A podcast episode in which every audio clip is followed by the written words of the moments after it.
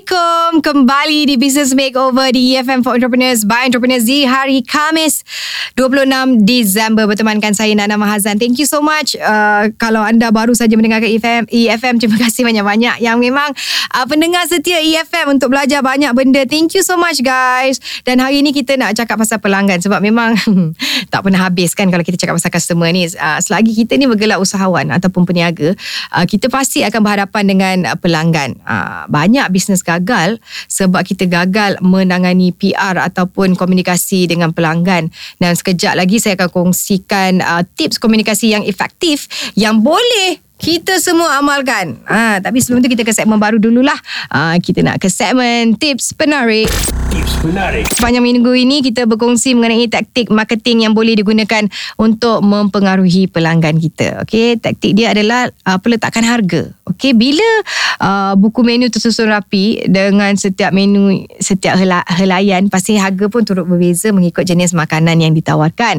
Nak tak nak pelanggan akan tetap memilih untuk menambah hidangan lain kerana berpengaruh dengan apa yang kita letak kat buku menu kita ni. Tak kisahlah harga mahal ataupun berbeza sikit dalam kuantiti yang kecil. Contohnya harga menu utama RM59.90. Kuantiti combo. Harga menu berasingan RM24.99. Ha, menu tambahan semangkuk uh, kecil sup RM10.90 sen dan dalam teknik pemasaran 99 sen tu dilihat uh, begitu besar nilainya berbanding 90 sen. Uh, itulah sebenarnya ilusi permainan psikologi harga ataupun nombor. Uh, jadi kalau kita letak 99 sen dan cakap mm, mahal tapi kita letak 90 sen mm, beli. Itu benda ni kita boleh belajar dengan uh, lebih detail lagi macam mana uh, peletakan harga ataupun psikologi uh, dalam kita meletakkan harga ataupun nombor dalam uh, semua jenis produk yang kita adakan. Okey, saya akan ke segmen tolong me over.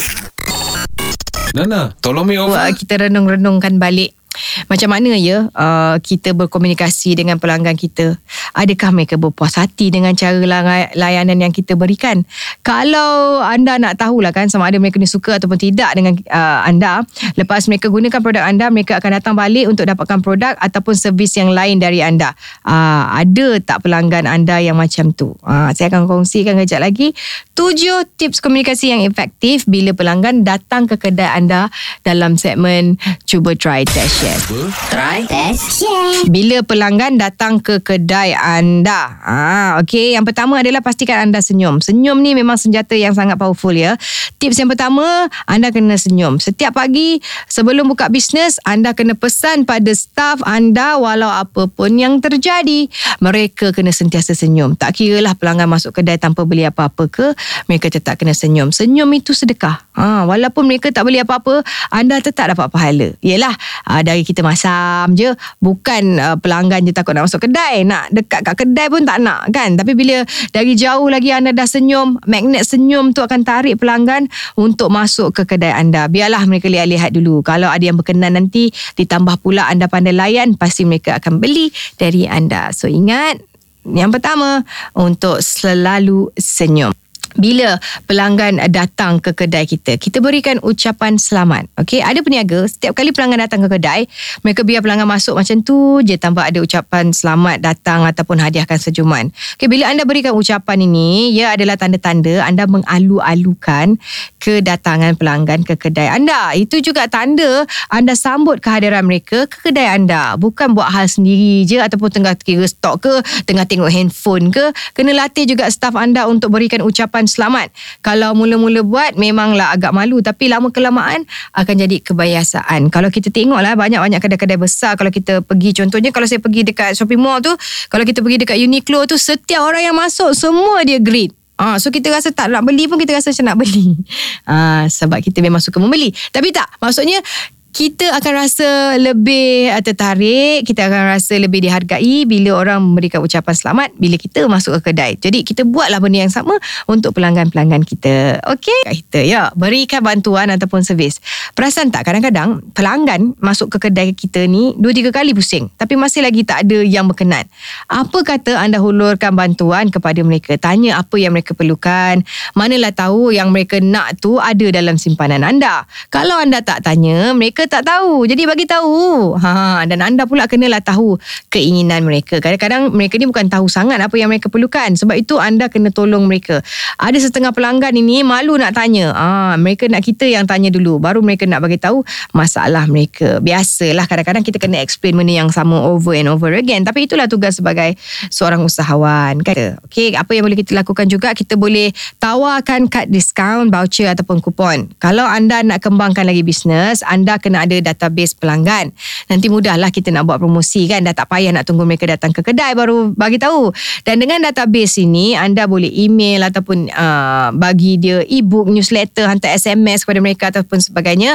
Untuk dapatkan uh, database ini, anda boleh tawarkan kad diskaun, voucher ke, kupon ke dan minta mereka join cabutan bertuah.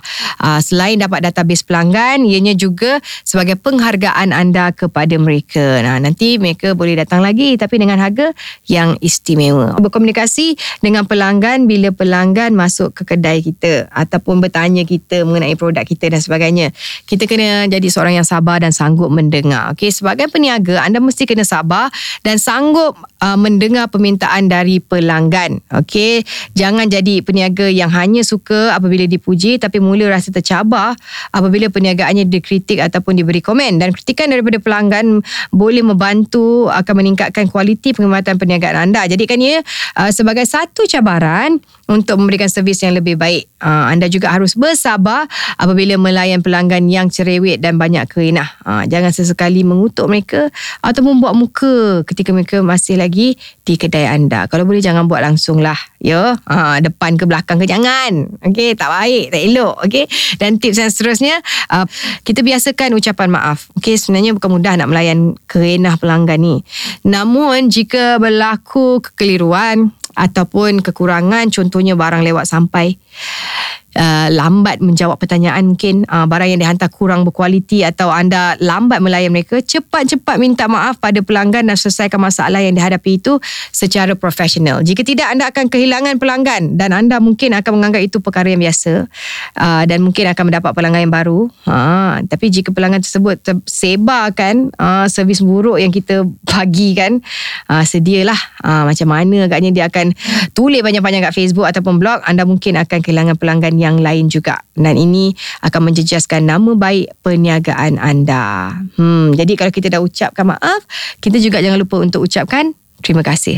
Uh, sebagai peniaga, ringankan mulut anda dan juga pekerja anda dengan ucapan terima kasih setelah selesai proses pembelian. Jika pelanggan masuk je dan tidak membeli barangan anda, ucapkan juga terima kasih kerana mereka telah pun masuk ke dalam kedai. Uh, mereka mungkin akan kembali lagi ke kedai anda jika anda berikan perkhidmatan yang terbaik kepada mereka dan setengah pelanggan akan rasa gembira jika anda ucapkan terima kasih kepada mereka. Uh, itu yang lebih afdol. Kalau kita cakap terima kasih, dia tak jawab sama-sama, tidak ngapa. Yang penting dia dapat terima kasih daripada kita kita tu kan. Ha, jadi rasa macam wow okay. Ha, kadang-kadang orang pun lupa.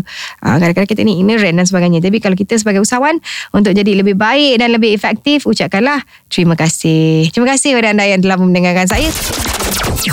Business Makeover bersama Nana Mazan. Business Makeover di EFM for Entrepreneurs by Entrepreneurs. Wah, dah nak habis dah ni. Uh, kita sembang-sembang sekejap je rasanya. Saya harap apa yang saya kongsikan hari ni, tips yang dikongsikan hari ni dapat dimanfaatkan oleh semua pendengar-pendengar EFM dan besok kita akan kembali lagi 7.30 pagi hingga 10 pagi. Uh, saya akan berkongsi tips untuk kita bergerak bersama rakan kongsi yang boleh diamalkan uh, demi masa depan syarikat yang kita bina. Kadang-kadang orang ni susah nak ada apa tu joint venture ataupun rakan kongsi kan. Jadi kalau besok anda mengusahakan bisnes yang mempunyai rakan kongsi, kena dengarkan kami 7.30 pagi hingga 10 pagi macam saya sebutkan tadi hanya di www.efm.live.